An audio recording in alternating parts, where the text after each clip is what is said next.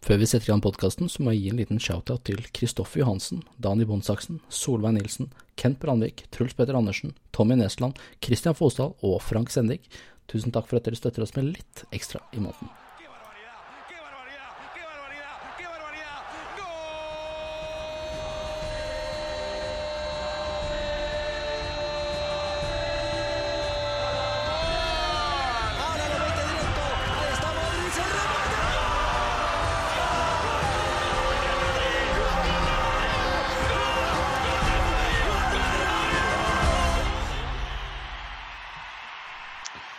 Velkommen til en ny episode av La Vista Madridista. Jeg har med meg i dag Ruben og Hiva. Si hallo. Hallo, hallo. Hei. Og en som ikke har vært her før, Kristina. Hallo. Hei på deg. Kan ikke du fortelle litt uh, hvem du er? Jeg er eh, sportsjournalist i eh, VG. eh, og holdt jeg på å si tidligere Real Madrid-supporter. Var eh, litt eh, mer engasjert som supporter eh, i gamle dager, for å si det sånn. Men det blir litt utvanna når man begynner å jobbe med sport, for å si det sånn. Men Arila så kom på, Arila så kom på akkurat de samme ordene. Jeg tror det var VG-redaktørene som har sendt ordrer. Nei da, men det blir litt sånn når man etter hvert eh, på en måte jobber med det, så får du et eh, litt annet forhold til fotballklubber, for å si det sånn. Ja. Du, hvis ikke jeg tar helt feil, så har du vel skrevet for uh, norske supportklubben også? Ja, det stemmer. Skrev vel for den uh, gjennom 2012, da jeg også bodde i Madrid og studerte spansk der nede. Så da var jeg uh, Da fikk jeg levd ut livet som både Real Madrid-supporter og Madrid-beboer i en åtte måneders tid. Det er en fantastisk by, så jeg misunner alle som har fått et uh, lite boopphold der nede. Sånn som Martin Hellerud som uh, skriver for oss nå. Han bor jo, bor, bodde der nede, nå er han jo hjemme pga. situasjonen i Norge. Jeg Vi bodde har der òg eh, noen måneder eh, samme, gjennom samme som Kristina, en Forex. Så det kan anbefales. Til alle dere som eh, hører på, ta og hugg tak i Ruben. Eh, kanskje ikke Kristina, men hugg tak i Ruben for å få litt mer informasjon om eh, hvordan man kommer seg ned til Madrid på den måten. Ja. Eh, vi har noen sånne, sånne vanlige spørsmål vi stiller uh, nye på podkasten. det er som regel Ruben som stiller spørsmåla, men uh, jeg har fått oppgaven å være programleder i dag, så da kommer de fra meg. Eh, det vi kan starte med, er første Real Madrid-minne. Første Real Madrid-minne, det tror jeg er um... åh, Hva slags sang tror- var du begynte å følge med i, da?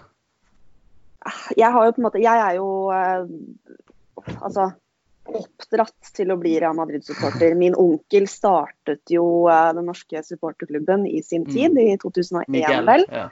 Mm. Så jeg har jo egentlig aldri hatt noe valg, for å si det på den måten, da. Um, jeg er deilig. fra fødsel av, så det er jo deilig, det. Nei, jeg tror mitt første ordentlige minne, sånn at jeg husker det virkelig, virkelig godt, det er nok Champions League-finalen i 2002. Um, og liksom der skåringa til Zidane selvfølgelig har sendt seg inn i, inn i minnet, da. Uh, for jeg pleier ofte å tenke på, det er sånn morsomt spørsmål jeg pleier å, å stille folk, er hva er ditt første uh, idrettsminne? Hva er aller, aller første, hva er første gangen du liksom husker at du faktisk satt og så på sport, enten på TV eller hva det er for noe? Og der har jeg på en måte første minnet mitt i 2000.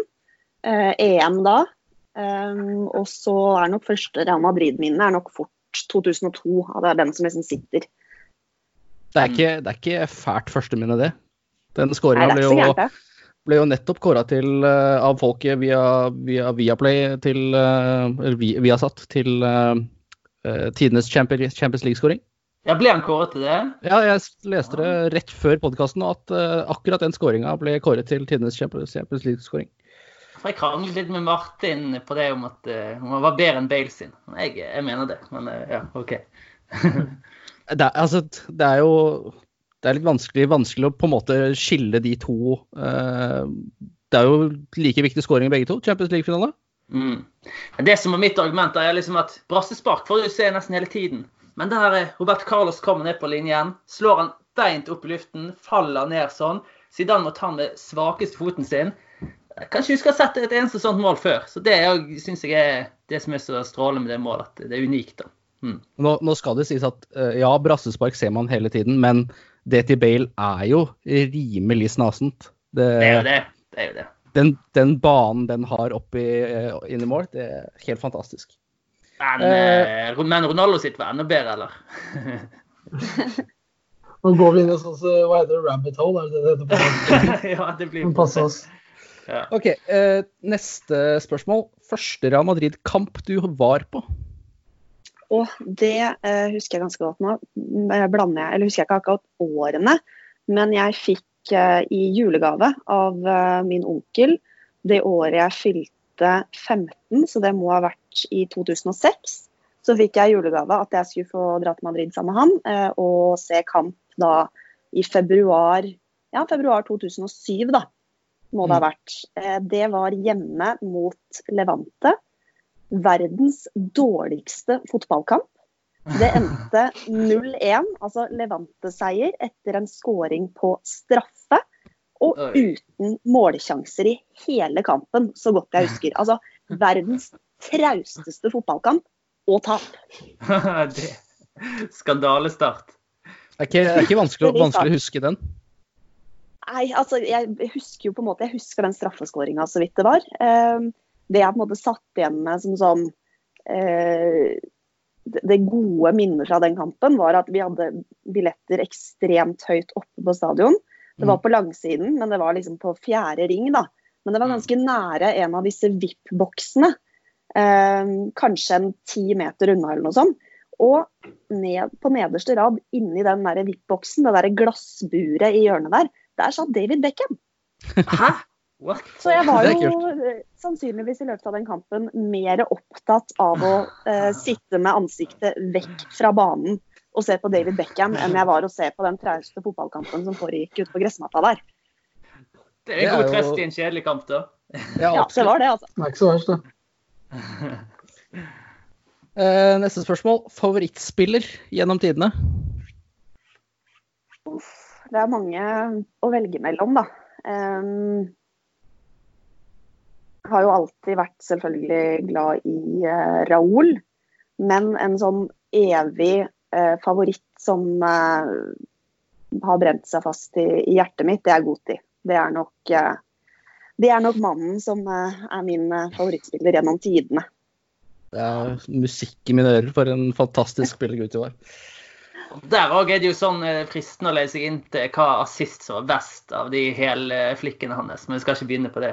Nei, altså, bare, bare veldig kjapt. Den, den jeg liker best, for den er så eh, ja, Vanskelig å forklare hva den er for meg, på en måte, men når, den, når han er alene med keeper mm, og bare Ja, lemper den bak mm, Hva sa du?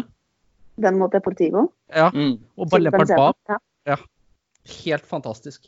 Det er sånn, eh, sånne småting som eh, setter seg hos meg. Og, og den kampen tror jeg faktisk òg var på Riazor bortekamp. Og da tror jeg Real Madrid hadde akkurat hatt tidenes av en eller annen grunn mot Deportivo, tidenes sånn, marerittrekke mot Deportivo på bortebane. Og så var det den kampen som snudde den eh, trenden, da. Og nå vet jeg ikke om Deportivo har omtrent gått konk eller noe sånt, men eh, ja. Så, Sliter, sliter fælt, i hvert fall. ja, så nå kan de bare ha det så godt. Eh, siste spørsmål før vi går over til eh, noe annet, er favorittøyeblikk. Uff. Um, det har jo sånn sett vært mange å velge mellom de siste 10-15 årene. Um, åh, nå må jeg tenke. Uh, jeg, jeg tror nok favorittøyeblikket er sånn rent personlig, og hvor liksom, eh, emosjonelt det blei der og da, var nok Champions League-seieren i, eh, i 2014. Og skåringa til, eh, til Ramos da. Fordi det hadde, det hadde gått så lang tid, det var liksom, og det var sånn enorm berg-og-dal-bane gjennom den kampen. Eh, og da var jeg i, eh, jeg var i Madrid. Jeg hadde reist ned dit eh, på en sånn kombitur. Kombijobb og eh, få med meg Champions League-finalen mens jeg var der nede. Jeg reiste ned, Da jobbet jeg i TV 2 eh, for å lage en forhåndsreportasje til, eh, til Sportsnyhetene på TV 2. Som jeg gjorde et, brukte en dag på i forveien der. Og så ble jeg der over helgen for å på en måte være der eh, under Champions League-finalen og satt på en eh, restaurant, var det vel egentlig, fortauskafé-variant eh, i nærheten av Puerto del Sol, ikke så langt derfra. eh, sammen med min samboer eh, og en annen Real Madrid-supporter som heter Eivind Hoel, som hadde reist ned dit eh, i samme slengen. Så vi satt der og så på og kosa oss noe voldsomt og fått oss noe godt å drikke og spiste burgere og på en måte nøyt, eh, nøyt kampen i utgangspunktet. Og så eh, ligger Real Madrid under, det drar seg mot 90 minutter, og Eivind er godt, godt nedi den bøtta med gin tonic han hadde bestilt seg, og er ordentlig trist. Og jeg er vel noe akkurat det samme. Eh, og så er vi jo liksom i 93. minutt der, da, og jeg har gitt opp, så jeg ser ikke på kampen lenger. Jeg har panna liggende på bordflata. Når jeg plutselig hører at folk rundt meg gauler, og jeg kikker opp, og jeg bare ser at det står 1-1. Oh, yeah. Eh, og så begynner jeg å hylgrine. Det er på en måte Det øyeblikket der er så sykt, da. Eh, så blir det pause, ekstraomganger, går Mm. ut på do, tørker meg i ansiktet, Treffe meg i annen stol der, og vi bare ser på hverandre og begynner å grine og holde rundt hverandre og bare Og så fikk jeg gåsehud. Ja, det, Ja, og det var en fantastisk historie. der er bare sånn Det bare du, Jeg veit ikke. Jeg var litt sånn nummen på et eller annet vis. Jeg var jo på en måte bare glad. Og etterpå så bare følte jeg bare satt der og liksom skjønte ikke helt hva det var som hadde skjedd, da. Så det er nok på en måte det personlige favorittøyeblikket, tror jeg. er et av mine også. Jobba på Elkjøp som avdelingsleder. Hadde jobba fra klokken seks om morgenen til ti på kvelden. Eh, og fikk lov til å da sette meg ned og se på kampen i sivilt klær, for jeg var så sliten. og Jeg tror jeg hadde, jeg tror jeg hadde poser ned til knæra under øya. Og bare blir så truffet av den kampen. Og når Ramos putter eh, på overtid der, så sklir jeg bortover gulvet. Jeg brenner bort buksene mine på gulvet der. På grunn av jeg liksom Ah. tar den skli, sklifeiringa som man vanligvis gjør. Det er også en av mine, mine favorittøyeblikk. Det er verdt det, da. Absolutt. Det var starten på noe helt fantastisk. Mm. Eh, vi har jo ikke noen fotballkamper å prate om, eh, så vi har jo eh, valgt å gjøre noe annet i dag. Eh, vi kommer til en del lytterspørsmål seinere i episoden, men først så har jeg laget en quiz som dere skal få lov til å gi dere ut på. Eh, Jeg har fått høre fra Martin Hellerud at det er eh, nesten litt for vanskelige spørsmål. Så vi får se hvordan det går. I utgangspunktet hadde jeg tenkt at dere skulle konkurrere mot hverandre, men vi har jo da kommet fram til en enighet om at dere gjør det som en enhet. Som kan skape litt mer underholdning for de som hører på. Så vi må bli enige om et svar, da, så vi skal liksom levere felles. Stemmer. Så det er mulighet til å diskutere og, og, og brainstorme litt sammen her. Um, jeg kommer til å prøve å følge med så godt jeg kan på i hvert fall dere to som har på kamera, Ruben og Kristina. Du sa vi skulle skal holde hendene i været, sa ikke det? Men vi gjør det hele tiden. Det var akkurat det jeg skulle til å si. Du skal slippe å holde dem eh, i været hele tida. Men eh, bare prøve å følge med på dere at eh, hendene ikke flyter på noen tastatur eller noen telefoner. Ja. Er dere klare? Jeg er veldig klar. Ja. Kiva? Kristina? Greit, da setter vi i gang. Spørsmål nummer én. Real Madrid ble stiftet 6.3.1902. Og, i trett- og 13. mai i samme år kom det første målet. Av hvem? Ah, det, hallo. Den er brutal. Det som er greit nå, det er at um, Hiver han har jo ikke på kamera, så han er liksom nødt til å være litt ekstra sikker på om han, uh, om han svarer om han googler eller ikke. Hvis han svarer riktig nå, da er han ute allerede. Ja, det er fornuftig. Nei, jeg skal, jeg skal holde meg Quiz er litt sånn hellig for meg, så jeg skal ikke jukse på det. Jeg har ikke peiling, jeg. Jeg tror ikke Altså, jeg kan eh, Kan vi nevne et eneste Ja. Et lite hint er jo at uh, ut ifra hva jeg fant ut, så er det også den første offisielle manageren til Real Madrid.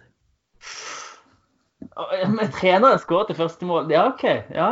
Um, Nei, han var nok ikke trener på, han var ikke trener Nei, på nei. det øyeblikket han skåret målet. Nei.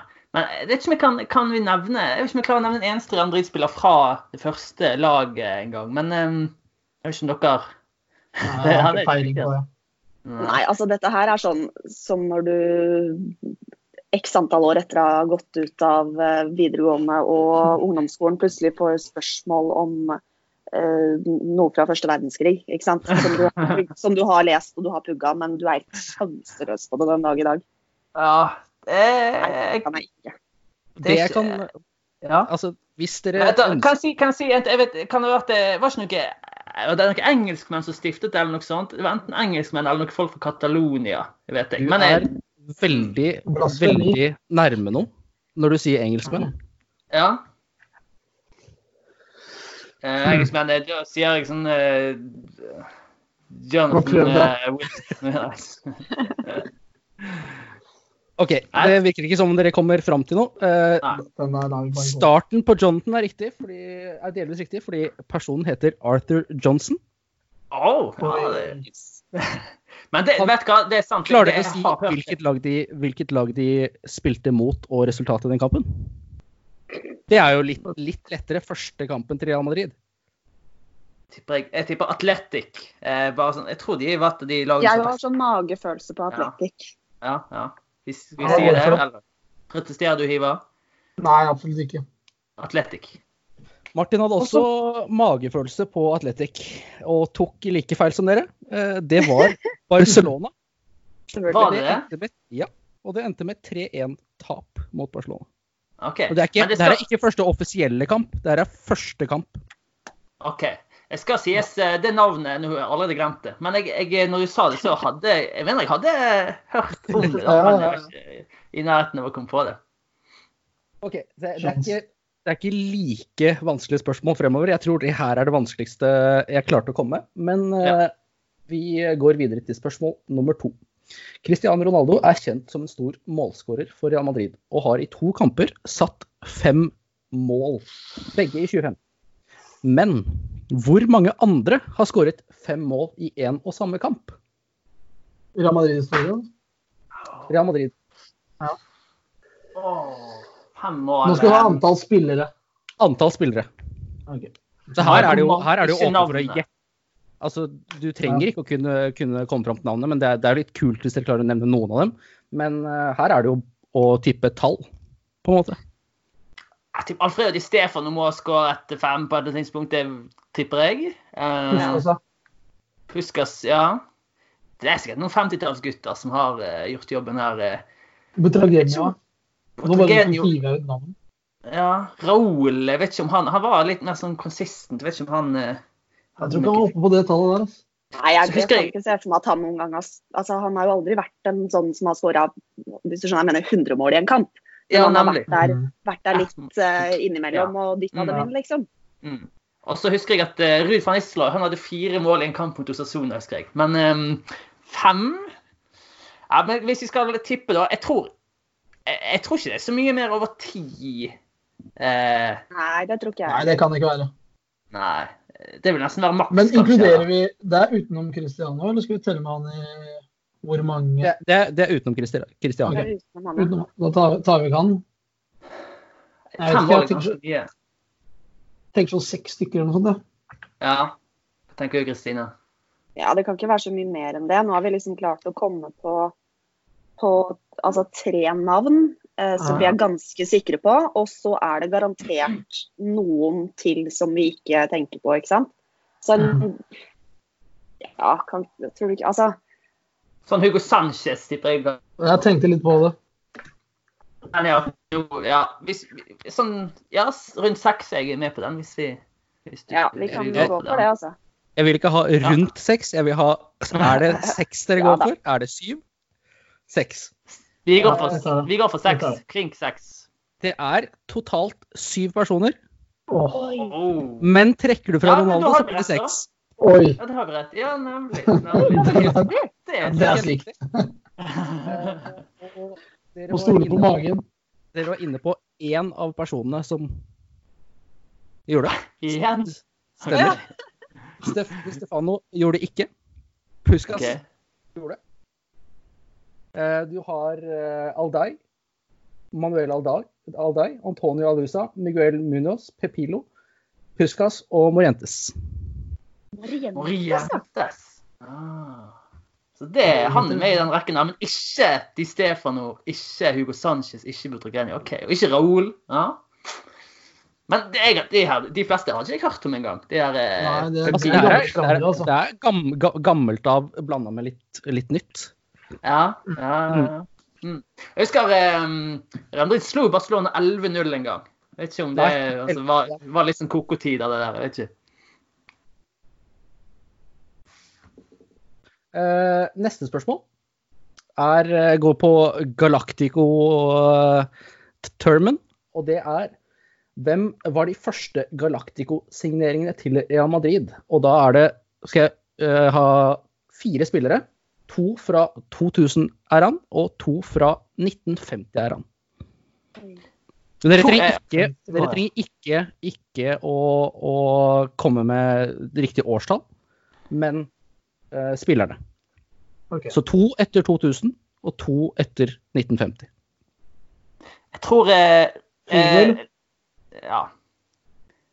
Også, Det er det første som popper opp i hodet mitt. i hvert fall. Så vi må, ikke, vi må bare nevne to fra hver Galactico-periode, på en måte. Ja. Ja, men det, nei, de, to, de to første fra hver galaktikoperiode. Så Åh. for eksempel, så for eksempel eh, Beckham ble jo kjøpt litt senere enn eh, de to første. Han vil da ikke være riktig svar. Men Hiva, du sa Figo. Det var den første. Figo Ja. er jo 2000, er det ikke det? Mm, Jeg tror det. Så, så han er fort den aller første. ja. Og så er Ronaldo kommet en plass. Og Ja, eh, han- Hva sa du? Ja, det er riktig. Jeg bare tenker Zidane. Zidane eh, jeg, skulle si Zidane, fordi han Altså, må jo da ha skåret det målet i 2001-2002-sesongen. Så da må han ha blitt signert i 2001. Mm. Si de to? Ja.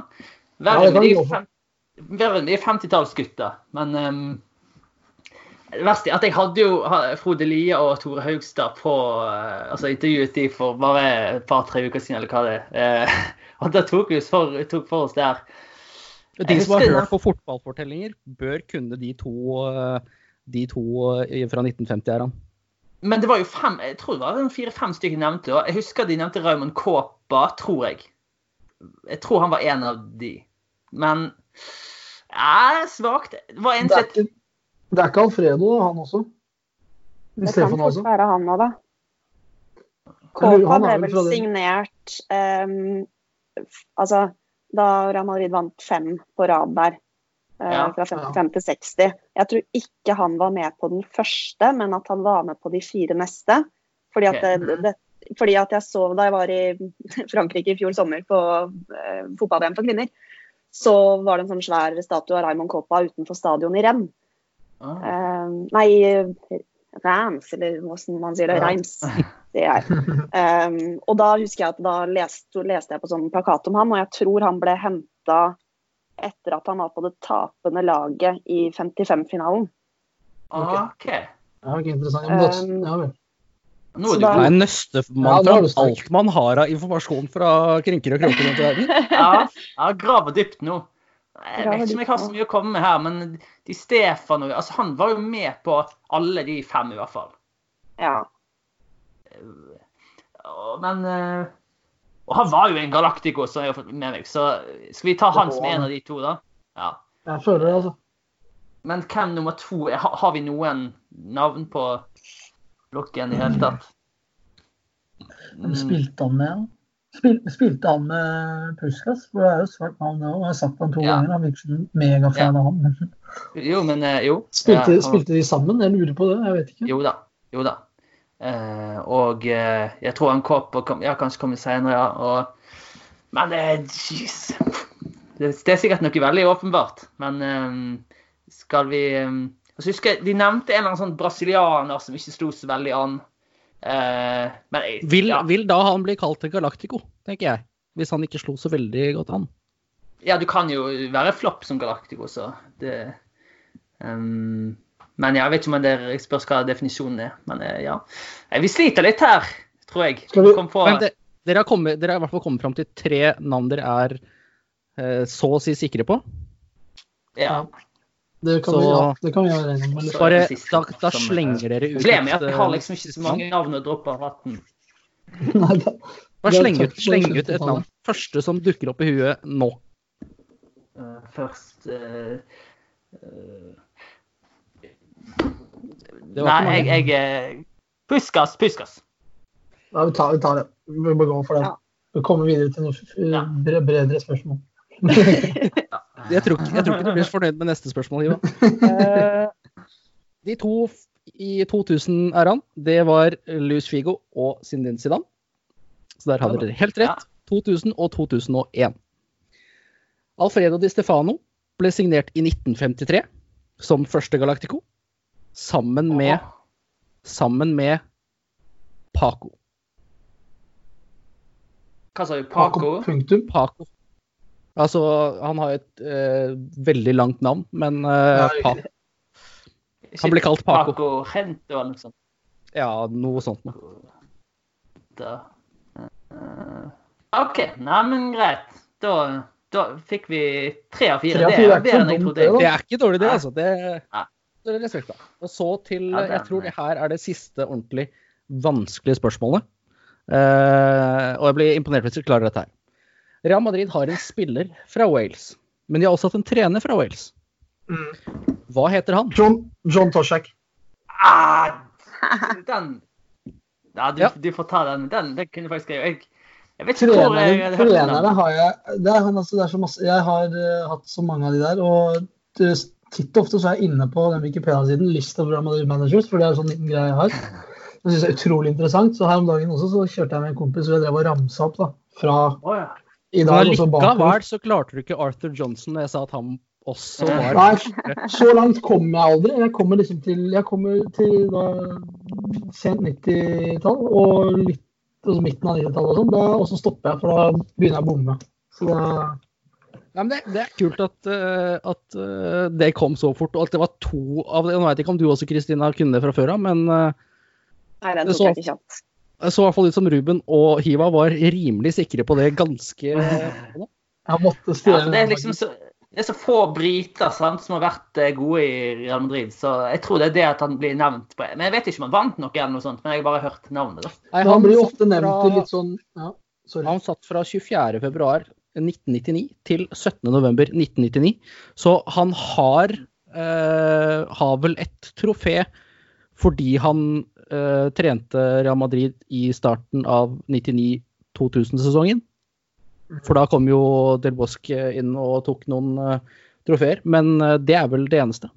Ja. Men jeg tror også han blir, grunnen til at man uh, kanskje husker navnet litt også, en annen grunn kan jo være han blir ofte nevnt i litt sånn, eller han har vært ute og uttalt seg sånn i forbindelse med Gareth Bale og sånn, fordi han er fra Wales Ja. og det greiene der. Så det, jeg tror han har vært i en del uh, Kanskje derfor sitter det så friskt sånn. i, friskt i minnet at uh, han Mm. Ja, nei, men det er kult.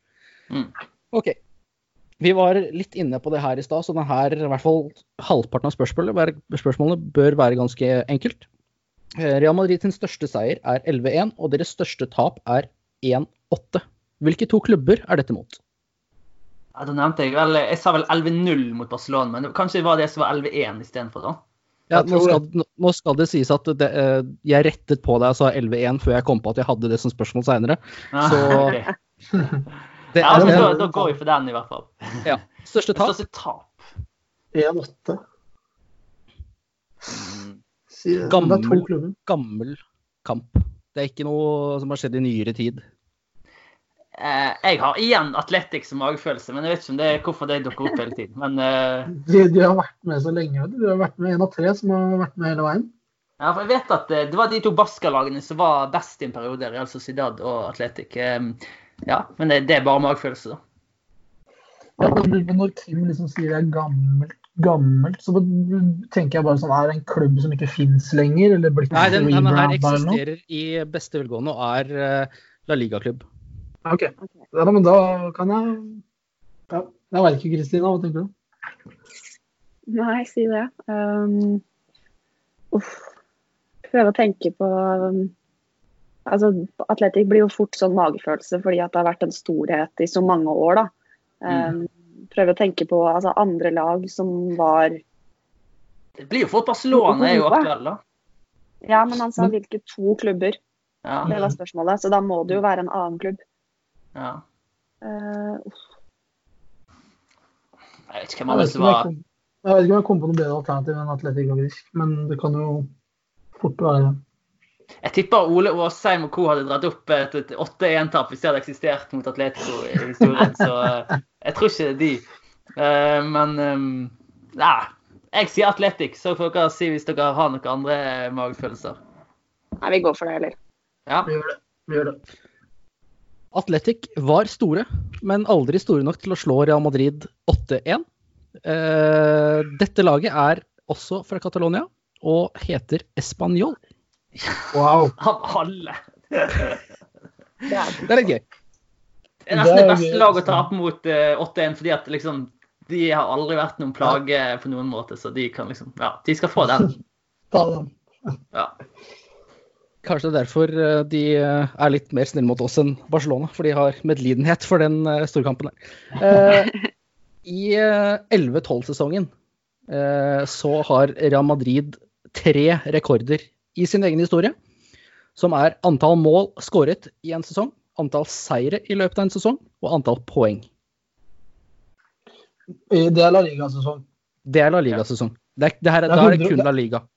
Ja, tallet er på mål, det vet jeg er 121. Hvis det ikke er det, så ja, da får dere skyte meg. Det er nesten 100 sikker på at det er Ja, er 121. det, det, er det dette, er disse spørsmålene vi skal liste opp, de, liksom? Ja, de tre, de tre uh, antallene. Hvor mange Ja, seire, hvor mange mål og hvor mange poeng. Og så tror jeg, tror jeg det var 100 poeng og 32 seire. Oi.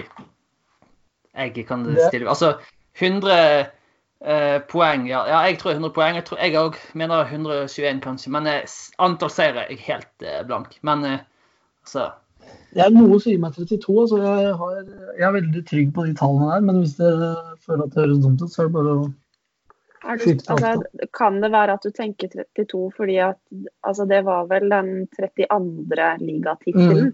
oh, Det, Det husker det jeg. var det jo. oh, Ja, det kan Kan fort være jeg ryker på noe der, altså. Jeg bare- Ja, men jeg, altså, det er ikke det at jeg har noe bedre forslag på antall seirer. Nei. Det eneste jeg husker på en måte fra den sesongen, var at eh, ligaen blei avgjort relativt tidlig. Den ble avgjort på bortebane, og så var det en sånn feiring på hjemmebane i runden etter. For jeg husker at jeg var der. Ah. Um, Var det året du var der? ja, det var Både- det året jeg var der. Ja. ja. Uh, Jo, men tenk da, Hvis det er 32 seire, så kommer vi i hvert fall til 100 poeng. fordi 30 ganger 3 er jo 90, og så legger du på 2, så blir det 6, og så har de fått 4 uavgjort, og så 2 tap. Da har du 32-4-2. Og så har du Ja, da, kommer, da, kom, da henger i hvert fall de tre tallene sammen noen, noenlunde. da. Jeg stiller meg bak den. jeg. logisk ut, det. Ja. Så dere går for 32 seire, 121 mål og 100 poeng? Ja. Ja. 100 poeng er riktig. 121 mål er riktig. Og det var den 32. tittelen, og derfor er det veldig kult at det er symbolsk med 32 seire. Så det er full post. yes. Nå var det Yes. god, Hiva. Veldig sterkt, Hiva. Ja, jeg, tror, takk, jeg er takk. ganske sikker på at vi har vært inne på det her sånn helt løst i andre podkaster, og Hiva var like kjapp da som han var nå, så jeg, det er ikke noe mistanke om googling på Hiva sin side. Nei, okay. bra. Eh, spørsmål nummer syv. Det er hvor mange spillere har vunnet VM mens de spilte for Real Madrid? Det er også eh, et eh, oppfølgingsspørsmål. Dere skal da nevne tre spillere med hver sin nasjon. Ok. Vi bare- jo -hmm. Vi begynner i den Det er bare oss, det er bare å jobbe oss bakover, egentlig, da. Ja. Mhm. Sånn sett. Uh, Var han 2018? var han eneste vi hadde med der. Tror jeg. Ja, men Benzema er jo husk på at du har har ikke ikke. Og du har ikke lov til å nevne to spillere fra én nasjon. Ja. Nei, nei. Nei. Så OK. Varane, ja. Tony Cross i 2014, vel? Men hadde vi kjøpt han da? Oh, Kedira, da. Kedira, da. Kedira, Ja, han, men han hadde òg utgående kontrakt det året. Så ja, begge to er sånn helt i grenseland. Men jeg tror ikke Lira får den, altså. Eller en av de må få den. men de- Kontrakten er kanskje begynner ja. hmm. I utgangspunktet så er kontrakten utløpt 30. juni, sånn standard eh, som er, da. Så det er jo for så vidt midt i et eventuelt mesterskap. Ja, Men det ja, blir- det uansett, da, vi skal, vi skal vel klare å finne noen som er ganske Altså, det var tre vi skulle finne, ikke sant? Ja. Tre som er ganske Mm. klink, ja. sånn sett. Um, ja, men vi måtte finne åh, antall spillere òg, ja. Eh, 2010, da er det jo, da er det jo ja, ja, Ramos. Casillas. Det er masse der. ja, ja, det kan, ja. Men dere var med der. Uh, Men vi kan jo ja. Arbeloa var med. Arbeloa var jo med i den troppen. Alonso Alonso var med i den troppen. Jeg satt og så VM-finalen i reprise her om dagen. Å ja. Ah, Retro TV 2, eh, ja.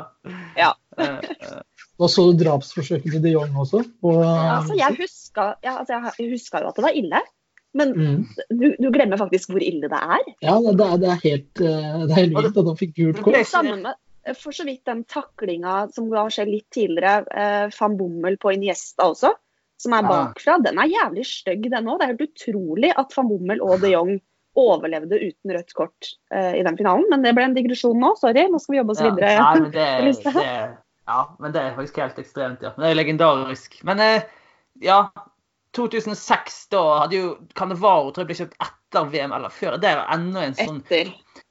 Mm. Problemet med Real Madrid er at de liker å kjøpe stjerner som har vunnet. VM. Ja, ja, ja.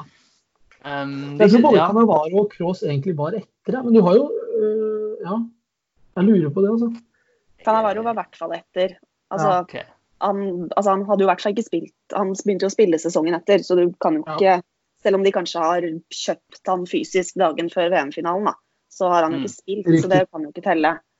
Eh, men hvis vi går til eh, 2002, da. Eh, Ronaldo var vel allerede Real Madrid-spiller på det tidspunktet. ja. Det tror Det var kanskje det året han ble kjøpt òg. Perez. Da ble jeg usikker. Ja, Men det, eh, Ro- Roberto Carlos, når var det han ble signert? ah, det, er Han ble signert før det. Ja, det er 100 99. Han må ha vært signert før det. Ja, ja, ja. Han, og han, Da har dere vel han- kommet fram til tre ja, spillere han, spil- han spilte jo Champions League-finale i 2002. Mhm. Ja, Så da har kom- han jo i Real Madrid under VM-finalen i 2002. Det er verre med antallet, tror jeg. Det, Ja. det kan jo være høyt, men det kan ikke være så høyt, for det er jo ikke så mange VM det har vært. Uh, Og det er jo som sagt veldig ofte de uh, høye herrene bare henter etter mesterskap. mesterskapet. ja. Eh, 98, første? det var, var Frankrike 98. Eller tar jeg feil? Ja. Hadde vi noe da? før Karim Bøe og sånn, da? Når ble han Holdt han Nå på begynner, ja, nå begynner å skurre litt. eh, um, men ja.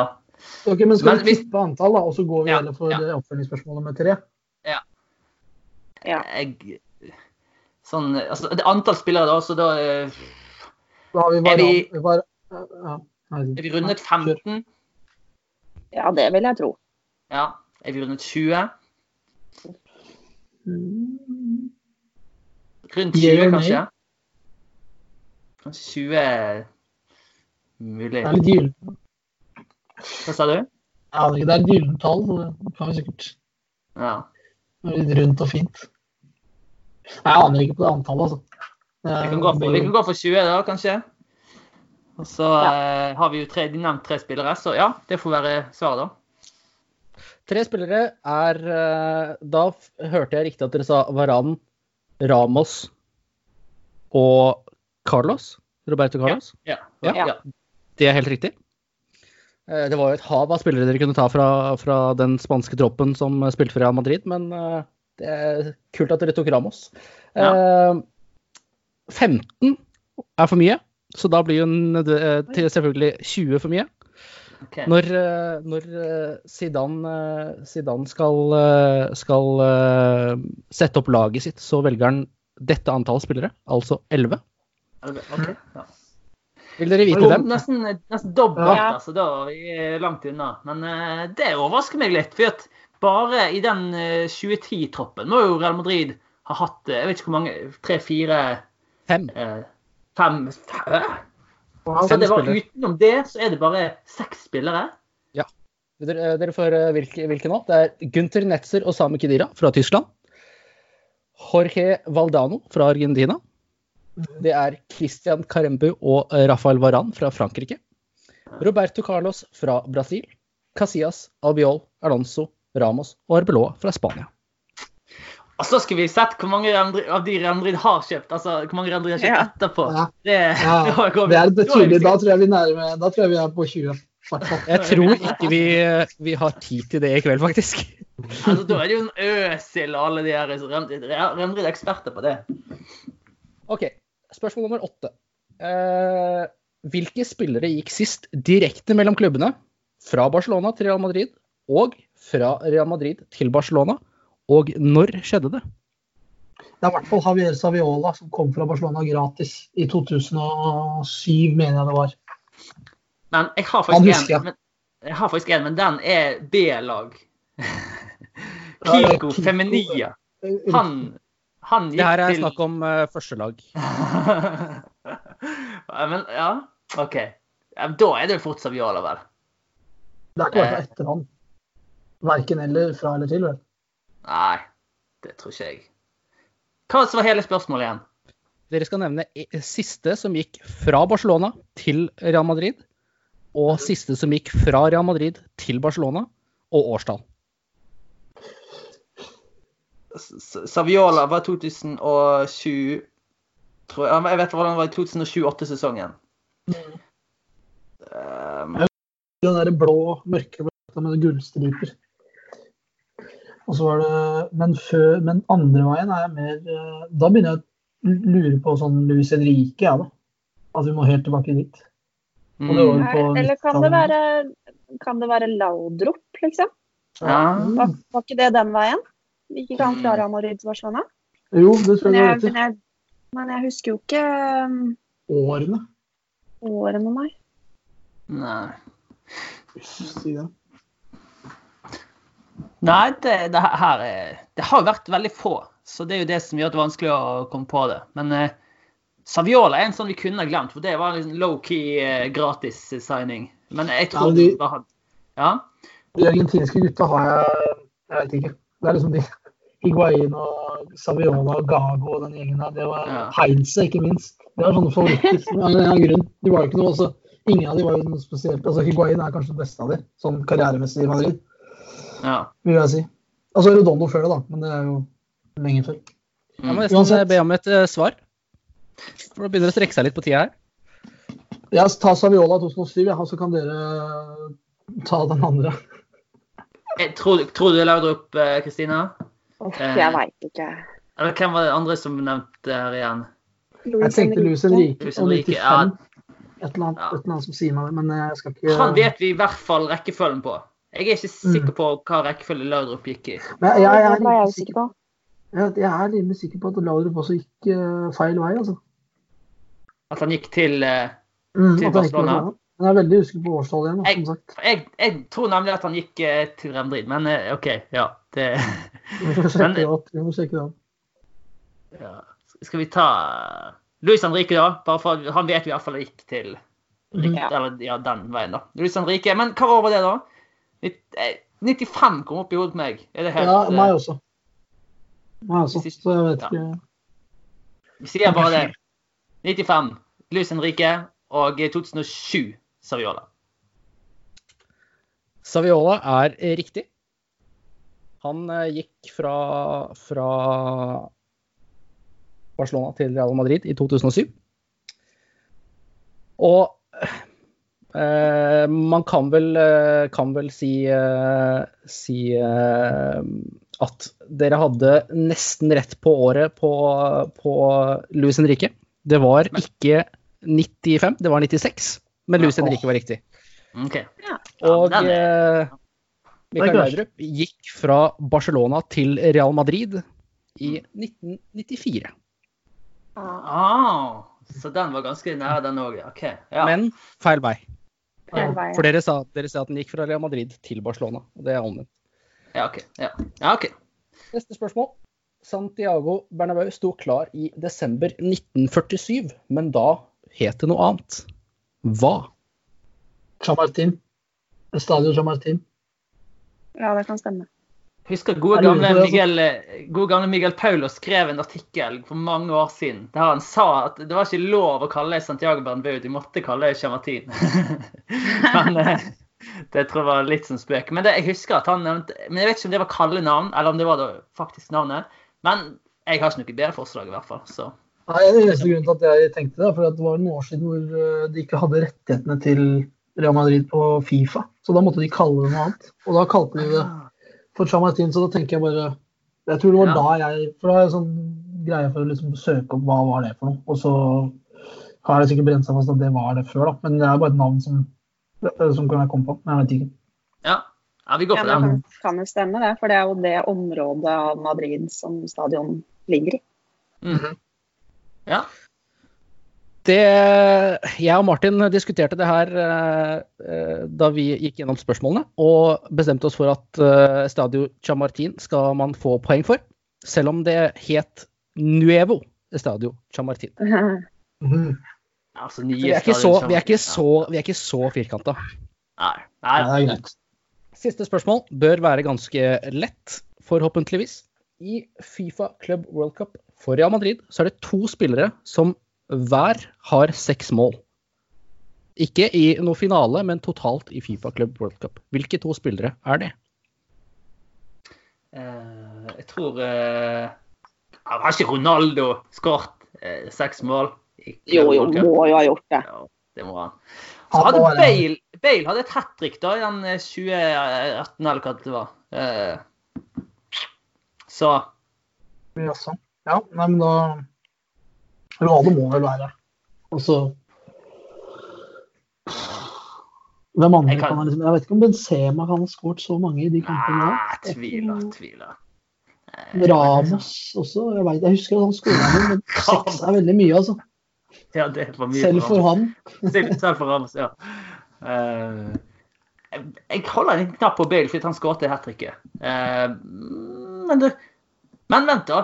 Det er jo ikke Kristina bare to kamp- nikker, Kristina nikker enig, så hun er enig med Bale, eh, Ruben. Ja, men det er ikke bare to kamper du eh, spiller i Club World Cup Real Madrid.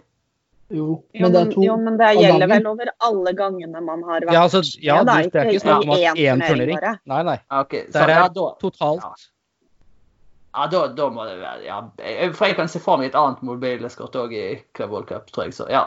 Jeg tror, ja. Let's go. La oss gjøre det. Ja. Dere starter svakt i quizen med null poeng og avslutter med full pott, for det var både Cristiano Ronaldo og Gareth Bale som gjorde det. At det er, eh, det er eh, veldig bra levert, og veldig bra, det er veldig, veldig kult å høre på dere komme fram til svarene. Det syns jeg var ganske kult. Jeg håper dere ble- likte quizen. Hva ble liksom uh, uttalingen da, da? Har jeg ikke, nå har jeg ikke tatt ned, skrevet ned noe, men uh, skal vi se Bommet på det første, i hvert fall. Og så har vi hatt noen Ja. Så, så har hatt sånn tre kvart riktig på noen og sånn. Så det er jo litt Ja, men det- ut, kanskje. sånne, sånne jeg er godkjent for. Altså tre kvart, da er du såpass nærme mål at da får du Ja. altså, da, ett Da har vi poeng vist på- utregning. Ett poeng på spørsmål to, ett poeng på spørsmål tre, ett poeng på spørsmål fire. Eh, på spørsmål fem så fikk dere bare 50% rett, for dere fikk bare Barcelona rett. Derfor får dere ikke poeng på den. Eh, full pott på spørsmål seks. Én, to, tre, fire dere skal, få, dere, dere skal få et halvt poeng på eh, VM-spillerne, så fire og et halvt. Fem skal dere få fordi at, fem og et halvt fordi at dere klarte Luis Henrique og Saviola. Dere klarte Estadio Chamartin og Ronaldo og Bale, så da blir det totalt én, to, tre Tre og en halv, fire, fem, seks, syv poeng av ti mulig.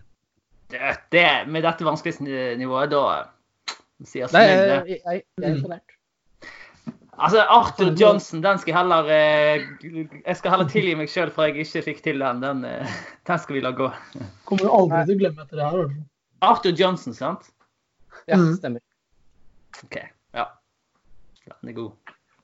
Da har vi Vi har jo Nå har vi jo lagt brukt eh, kort tid på det her, sånn at vi har masse tid på lytterspørsmål. Ja, det er akkurat, akkurat det jeg skulle til å si. Vi har jo vi har et par lyttespørsmål vi skal gjennom også, men det, det, er jo ikke, det er jo ikke så mange og så uh, fyldige spørsmål.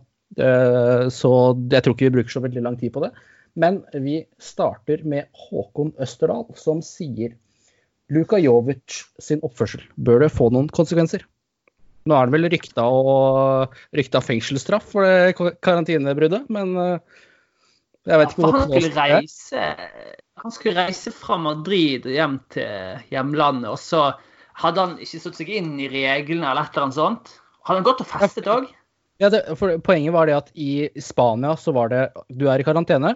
Da får du lov til å gå på butikken, gå til apoteket osv. én gang om dagen. Mens i eh, Serbia, hvis jeg forstår riktig, du er i karantene, da går du ikke ut. Det var, okay. jeg, tror det er, jeg tror det er det som er, eh, er clouet her, at han faktisk har brutt den i Serbia, ikke ved å dra okay. til Serbia. Ja, Ok, for jeg- jeg- jeg har skjønner. Men og om det burde få konsekvens Ja, om det burde få konsekvenser for han som Real Madrid-spiller, da, liksom? Altså, jeg vil jo, vil jo, jeg vil jo tippe at det, det er sånn de ønsker at vi vinkler det. sånn Håkon ønsker at vi vinkler det. Ja. Men jeg, altså, jeg, jeg, mener jo nei. Jeg leste, jeg leste, det, jeg leste noe greier om det, og det var tydeligvis noe bursdag han har vært i. Søstera si bursdag eller noe. Helt Neymar-takter på, på Jovic. Og så, så, så jeg veit ikke, men om det liksom Det ville jo er- vært eh, altså, ja. Skal vi selge han, liksom? Det er vel det som er spørsmålet. Det ville jo kanskje mm, Jeg tror ikke det er pga. det i så fall, da. Men uh, Ja. ikke. Hva syns du, Kristina? Det er jo litt det er jo, Men det skal sies det er ganske alvorlig, da. Altså, men, eh, og i hvert fall hvis en havner i fengsel. Da må jo Madrid virkelig begynne å tenke litt på det. Ja. Jeg har jo hatt en spiss som har eh, Ja, vi har hatt en spiss som har vært ute på litt ville veier tidligere òg. Nei, altså hva, hvilke konsekvenser Rettslig skal vel ikke vi legge oss opp i, det får vel rettssystemet i Serbia ta seg av. Um, og så er det jo vanskelig å vite på en måte hvilken dialog og avtale han hadde med klubben vedrørende å reise til hjemlandet sitt, da. Um, Mm. Men hvis eh, Ja, det er jo ikke Real Madrids oppgave å sjekke lovene i Serbia for karantene, det er jo opp til han selv. Så ja, en liten uh, smekk på pungen for å ikke lese seg godt opp på karanteneregler kan vel uh, sikkert være forventet, tenker jeg. Det er jo ikke akkurat Mm. direkte, direkte smart. Nei. Nei, og det er heller ikke noe pluss i boken. Så han, har, han ligger jo allerede litt halvveis tynt an eh, ut fra hvordan han har levert. Så da uh, skal passe seg litt uh, for å drive med sånne ting òg. Men um, jeg tror ikke sjøl jeg ville på en måte altså, Jeg tenker ikke det er en grunn til å selge den. Men det er klart at eh, Det er kanskje andre grunner til å selge den. Så kanskje Man det kan jo Hvem vet?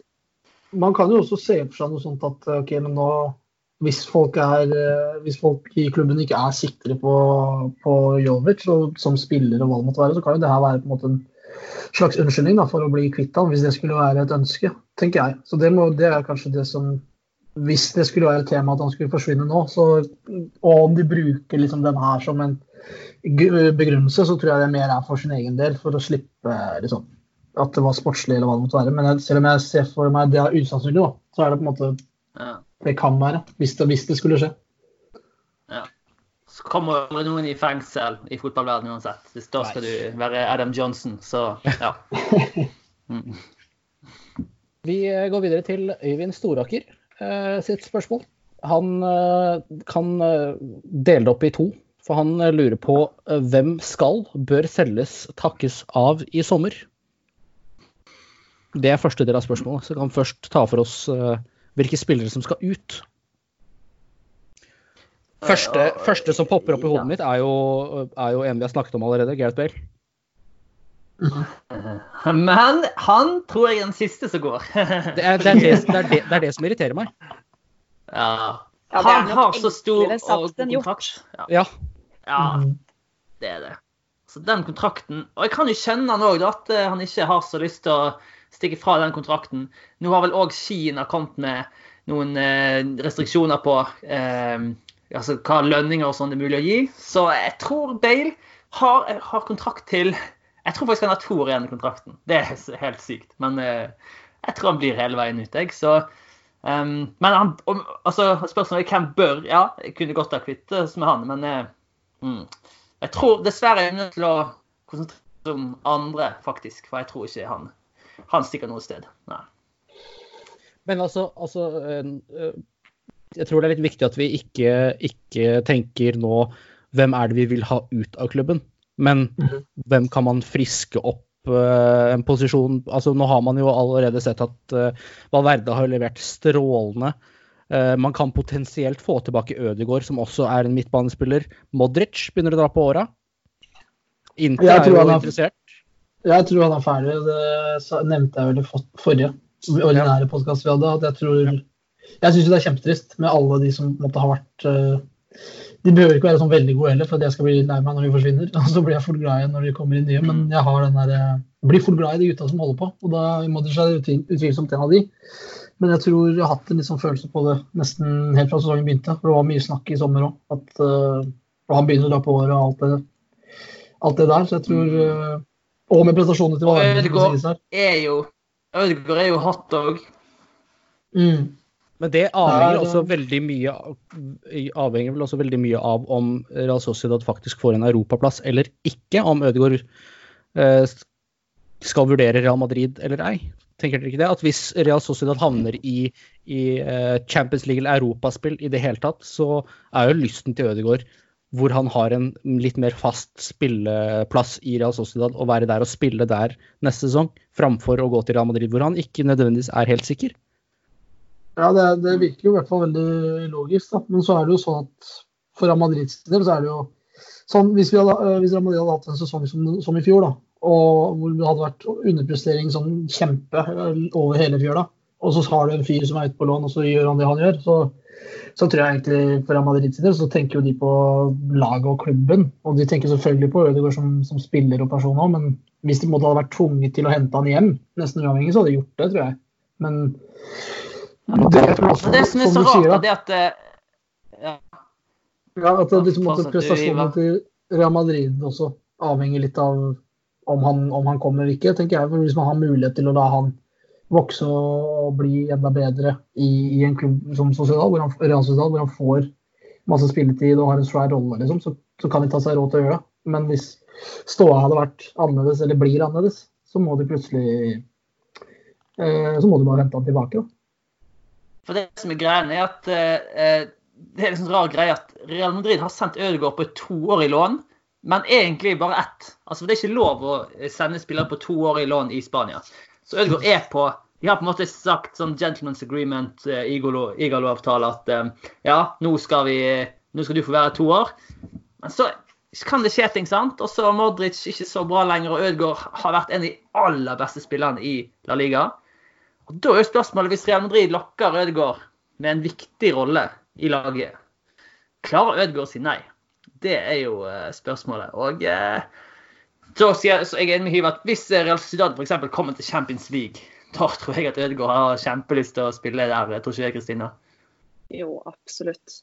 Um, og så tror jeg, sånn som hva skal jeg si, jeg har lært å kjenne Martin Ødegaard, uten at jeg kjenner han på noe som helst vis, eh, så tenker han veldig eh, helhetlig på dette her. Det er viktig med kontinuerlig spilletid. eh, spille på et relativt høyt nivå. Jeg tror det er bedre at han foretrekker heller å, å spille eh, alle kampene i La Liga for Real Sociedad enn å spille sporadisk for Real Madrid i ligaen og litt cupen og Champions League, og at det blir veldig mye inn og ut, da. Um, Mm. Så det er nok en totalpakke, men som det ble pratet om her nå, skulle eh, Real Madrid bestemme seg for at vi vil ha han tilbake, så har han vel i grunnen ingenting å si. Det, han, han eies jo Mm. av Real Madrid, og vil de ha han hjem, så Mm. henter de han hjem. Um, og så. Ja. spørs det jo hvor mye de også tenker på videre på hans uh, utvikling, da. Mm. Mm. Mm. ja. Men eh, det hadde vært veldig gøy, da. Vi håper jo det.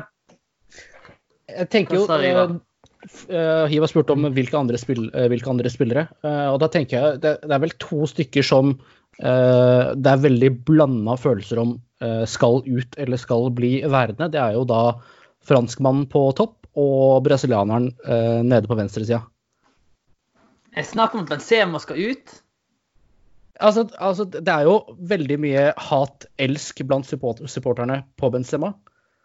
Mm. Altså, ja, Jeg han har, det er jo, han har jo levert Ja. bra, men begynner å, å, å miste litt pusten nå på, på vårparten, rett før, rett før uh, situasjonen som skjedde nå, som gjorde at fotball ble avlyst, så var det ikke akkurat mange skåringer å skryte av. så det er jo, Nå sier jeg ikke at jeg sier at Benzema skal ut, men jeg sier at jeg tenker at det muligens er en tanke blant supportere at skulle man ha bytta ut denne franskmannen med en annen franskmann, f.eks., som jeg veit kommer i sommer Han, ja.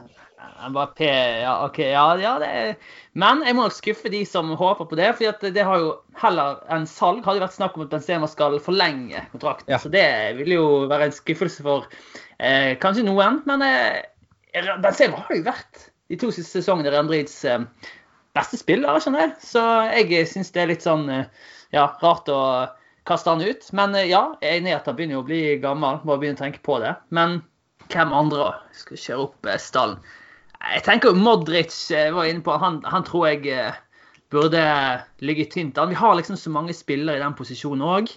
Eh, 30 Blir han 35 år i år?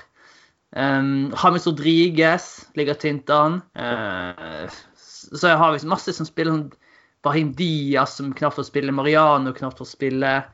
Jovic har vært inne på. Lucas Vasques. Det er en del spillere som er sånn Jeg tror mange skulle tenke seg ut, i hvert fall. Så spørs om Zidane er. Mariano er forsvinner, Mariano forsvinner nok før uh, Jovic. Det jeg tror. Det, så skal det sies at Jo- eh, Mariano har jo faktisk tatt over plassen til benkeplassen til Jovic i det siste. Utrolig nok. Så, men, Ja. men jeg er enig. Det, er nok, det ville vært rart det hvis, uh, hvis ikke Jovic Enda ble lenger enn Mariano. Enda en åpenbar en er jo Areola, som er på lån. Som, Ja. Så det må nok inn en ny Vi keeper kommer, bak tilbake til skal, vi, vi kommer tilbake til hvem som skal inn.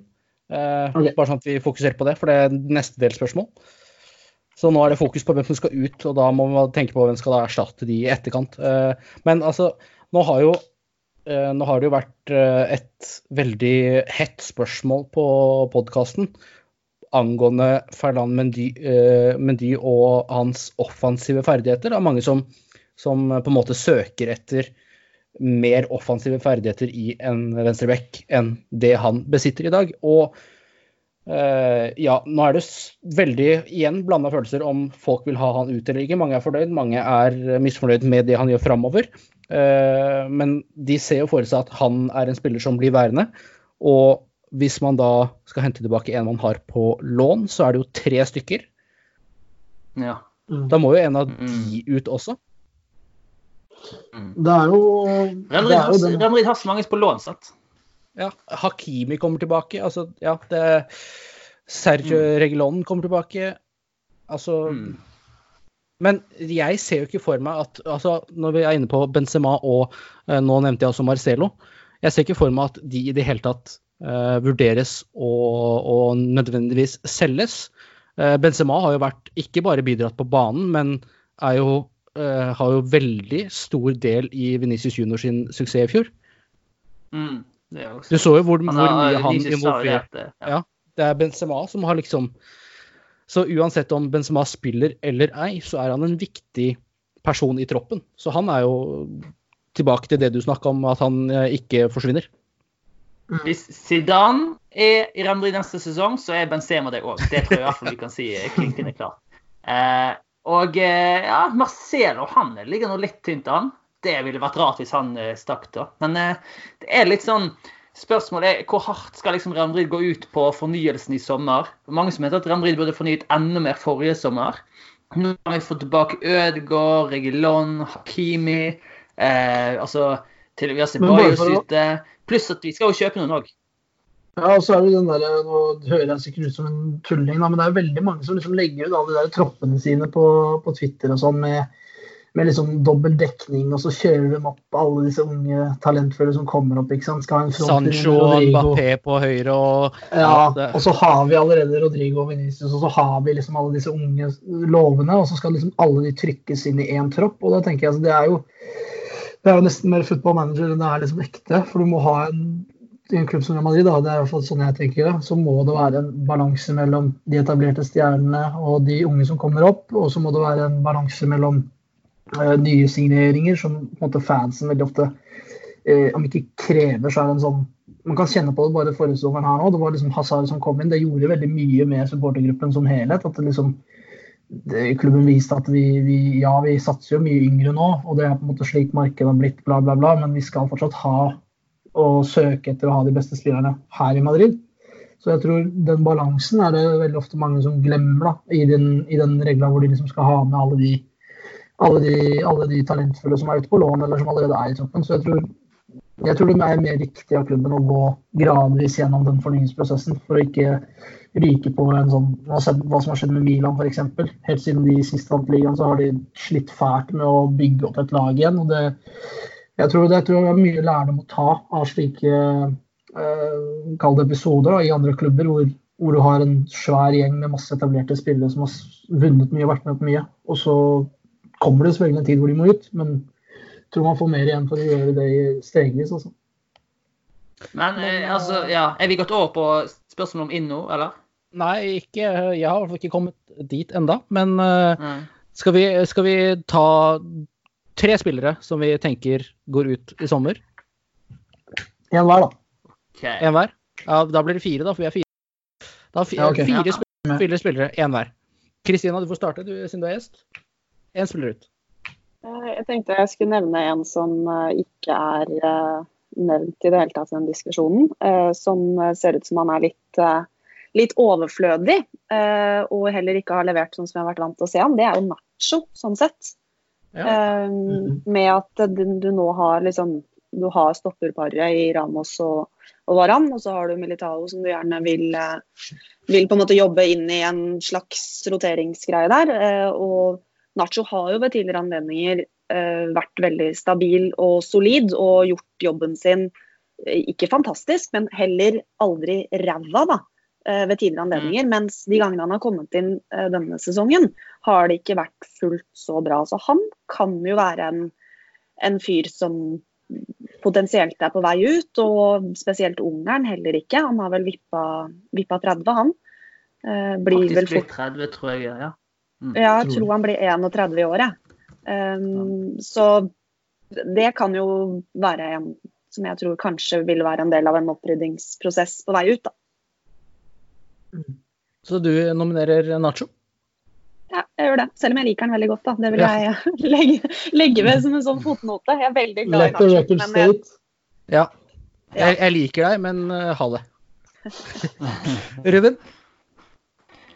Ja, jeg har egentlig flere jeg kunne tatt der, tror jeg. Jeg tror um, Brahim Diaz tror jeg må dra. Eh, Bare fordi at han, eh, han er for stort talent til å spille så lite. Og når han eh, Han spiller jo omtrent ingenting. Så hvis han skulle tatt enda en sesong på benken, det, det ville vært veldig rart. Men da er det jo lån, da. Så jeg vet ikke om det er salg vi vil Er, vi det vi er ute, etter her? Jeg tror han er ute etter salg, eh, så ta gjerne et salg. I så fall sier jeg Hamis James Rodriguez. Som ikke kan spille ti kamper omtrent i løpet av en sesong og holde seg skadefri. Så jeg elsker Hames, men eh, når du ikke kan spille kamper, da er det ikke vits å eh, håve inn den eh, gigalønnen som han har òg. Iva? Ja, nei, nå er vi jo i den eh, ekle delen av de å knuse hjerter. Og da knuser vi Hames Nacho, så da fortsetter jeg med han jeg nevnte tidlig i stad. Det er Luka Modric. Det er tre spillere som nevnes her som jeg personlig er veldig glad i alle tre. Og som på en måte Ja, det er kanskje litt på tide nå at de som er nevnt her, må, må ut. Og så får vi se hva det blir til i sommer. Mm. Da Da har dere tatt alle de gode, holdt jeg på å si, som man pleier å si. Men eh, Mariano, Mariano Diaz vil jeg si, da, som uh, sistemann som rykker ut. Det vil jeg også si er ganske bankers, faktisk. Altså, eh, all ære til han hvis han velger å bli værende igjen. Ja. Han skårer jo Altså- mål hvert eh, tiende sekund omtrent, eh, så lenge han spiller med snitt her. Men ja. Ja, men når du spiller 20 sekunder, så er det ikke stort å skåre hver tiende, på en måte. Men men, men da kan vi gå over på spillere inn. Og i og med at vi ser ut til å bruke Vi har et par spørsmål til etter det, så da vil jeg at vi eh, gjør sånn som vi gjorde på slutten nå, at vi ikke diskuterer så veldig mye om hvem som skal inn, men alle får nominere én som skal inn. Eh, Og jeg har jo sagt i hvert fall åtte pluss episoder denne sesongen her at eh, jeg er ganske sikker på én.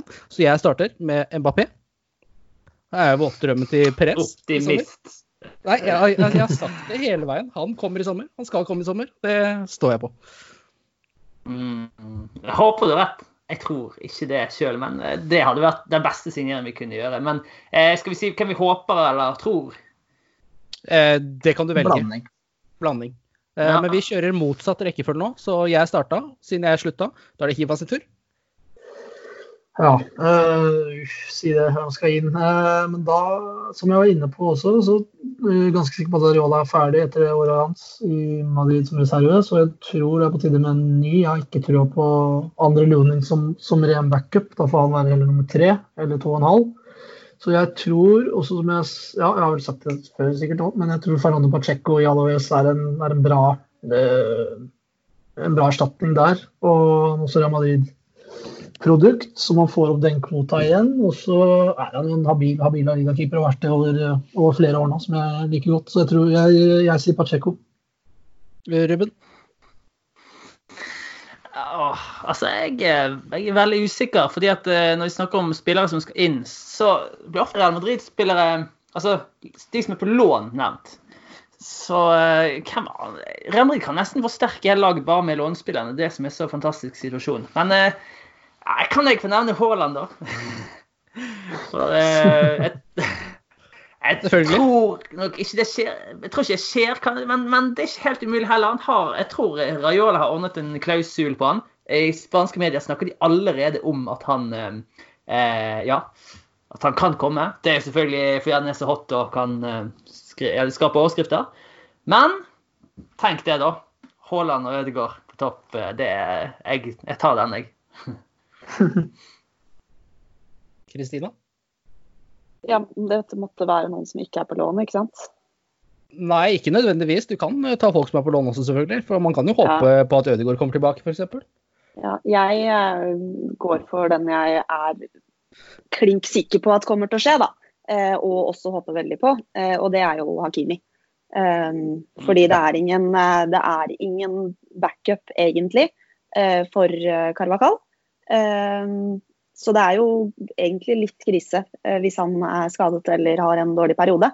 Og Hakimi har vært eh, strålende eh, i Dortmund gjennom denne, den perioden han har vært der. Så han er jeg veldig veldig sikker på at blir hentet hjem igjen. At det blir en Vi får se da om det blir en sånn ny suksesshistorie som det ble med Carvahall da han kom tilbake igjen fra Tyskland. Det, det er jo et veldig, veldig godt poeng, det med utfordrer på, på den høyresida der også. fordi når Carvahall ikke har en utfordrer som på en måte truer plassen hans, så kan man se den veldig bølgete formen han har hatt i løpet av sesongen. Uh, Odriozola var jo aldri en direkte utfordrer for han. Han, han leverte jo aldri eh, etter forventningene. Så det er et veldig godt poeng og veldig, veldig godt alternativ.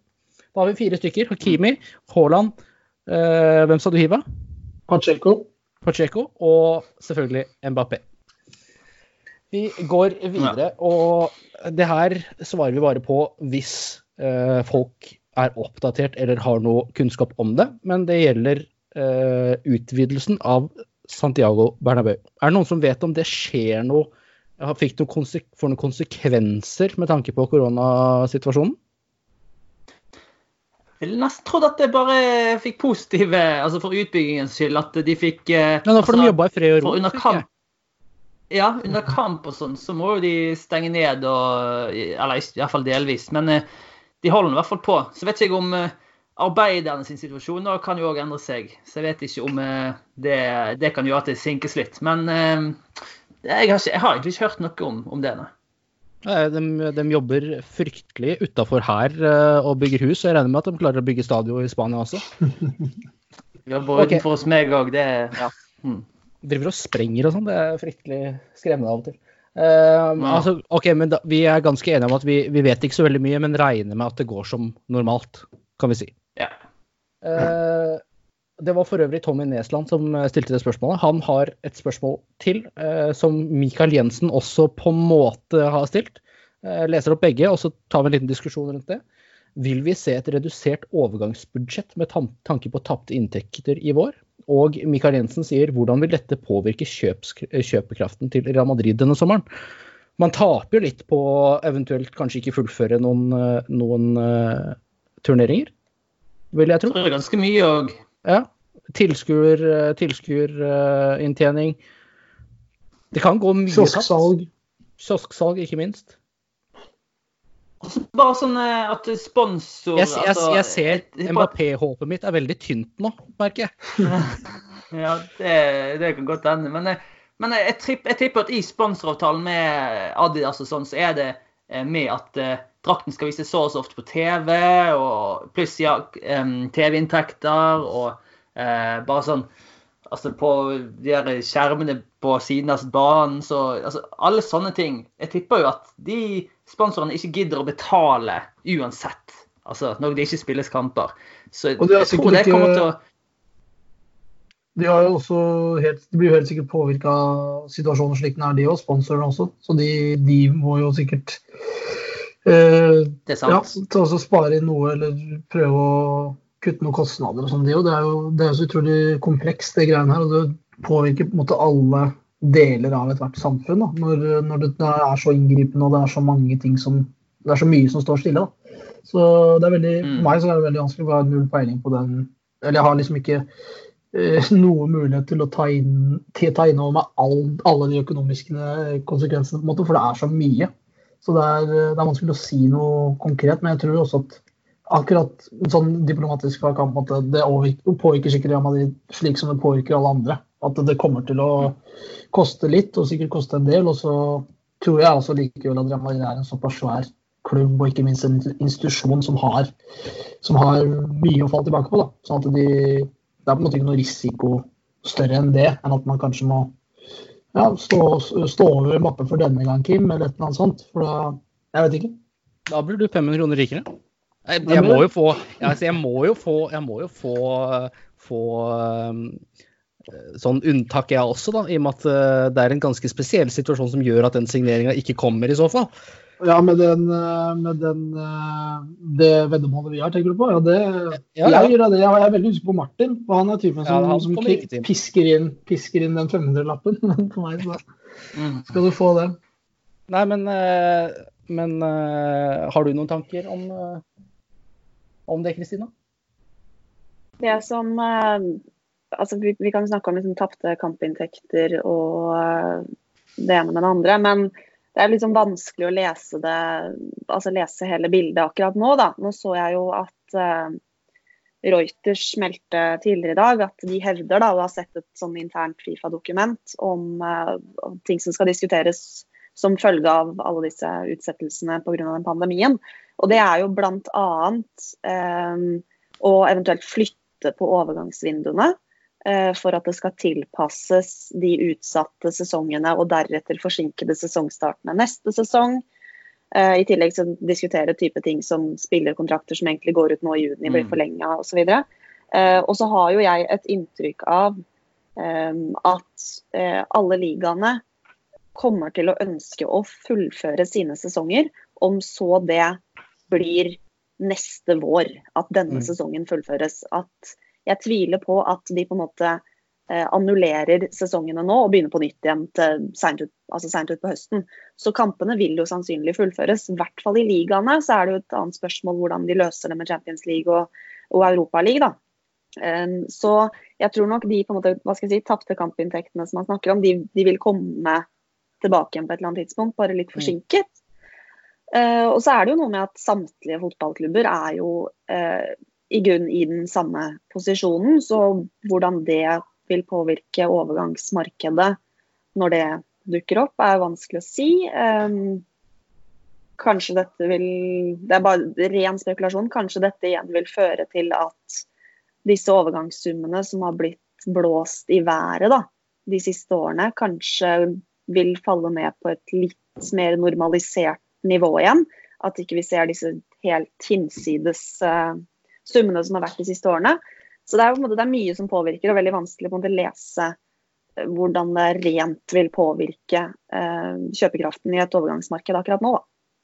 Det er veldig, veldig viktig å, å du påpekte jo også selv at uh, alt vi kan gjøre er jo å spekulere i hva som kan skje. Men uh, det er jo kun de som sitter på eventuelt sånne møter og, og diskuterer dette her, som faktisk vil kunne ha den informasjonen vi er ute etter. Men at det er et hett tema, akkurat de tingene vi har vært inne på nå, det tviler jeg ikke på. Uh.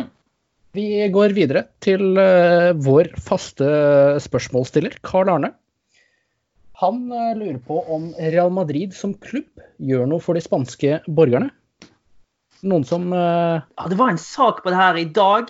Det klarte jeg ikke helt rekke å sette meg inn i, men jeg tror det Madrid hadde hjulpet på en eller annen måte. Men jeg vet ikke om noen har hørt om det. De har, eh, sånn som jeg forsto det ut fra den pressemeldingen, har de stilt Santiago Bernabeu til disposisjon for, egentlig for Mm. det spanske helsevesenet. I form av at der kan det doneres inn hva skal jeg si, medisinsk utstyr, da, type munnbind og den type ting. Sånn at det vil lagres der og deretter distribueres ut til eh, diverse sykehus og, og der det skulle være behov. Eh, Og I tillegg så var det vel en nyhet for et par dager siden om at de hadde donert eh, et relativt stort beløp til en landorganisasjon som kjemper mot dette viruset. da. Men Jeg husker ikke akkurat hva det var, men de bidrar i hvert fall. Jeg mener å, Mm. å huske at jeg leste at Ramos også, også donerte noe, noe beløp til en organisasjon i den forbindelse. Så klubb og enkeltspillere gjør jo det de kan for å, for å, å kjempe der. Eh, Marco Ascencio kjemper på en litt annen måte ved å få folk til å holde seg hjemme.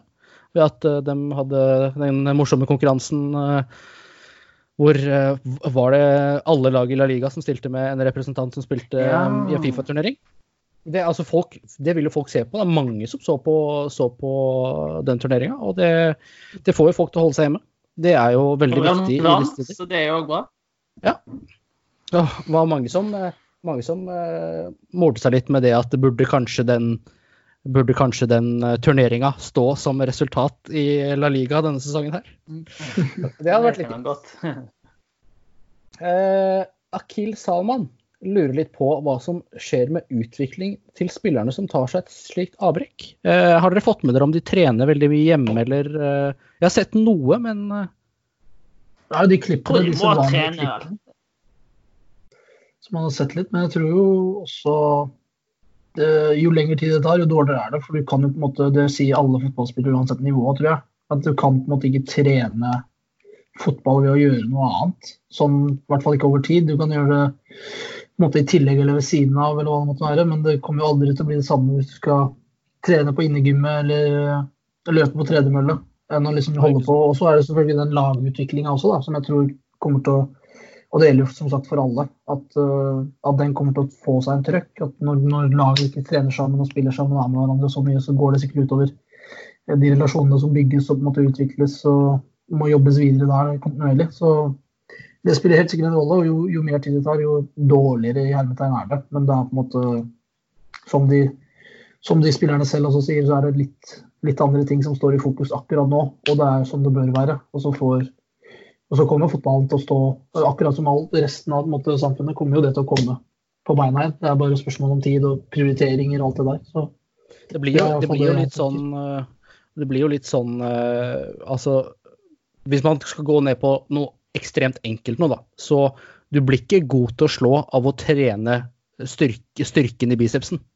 Altså, det er selve, altså, på en måte, det men altså, learn, learn by doing, da. Ikke sant? Hvis du Mm. bare er på en, en tredemølle og løper og sånne ting, så klart blir du kjempeflink til å løpe, men eh, å spille fotball Du blir ikke bedre på det av å løpe på en tredemølle, det kan jeg bekrefte.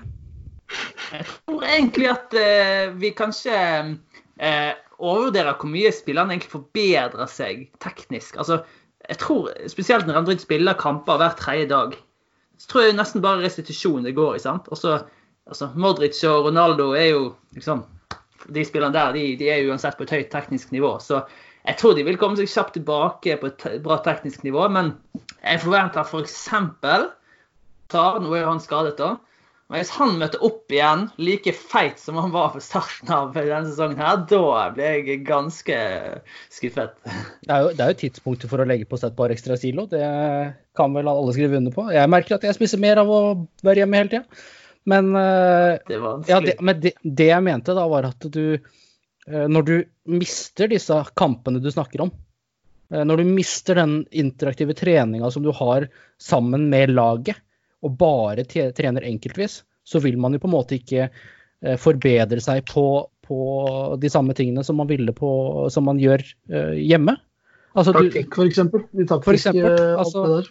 det er mange elementer som spiller inn på treninger. Eh, altså, ja, du blir kjappere, ja, du går ned noen kilo eh, osv., men selve kamptrening og den, den slags type, den eh, må man jo miste. Mm.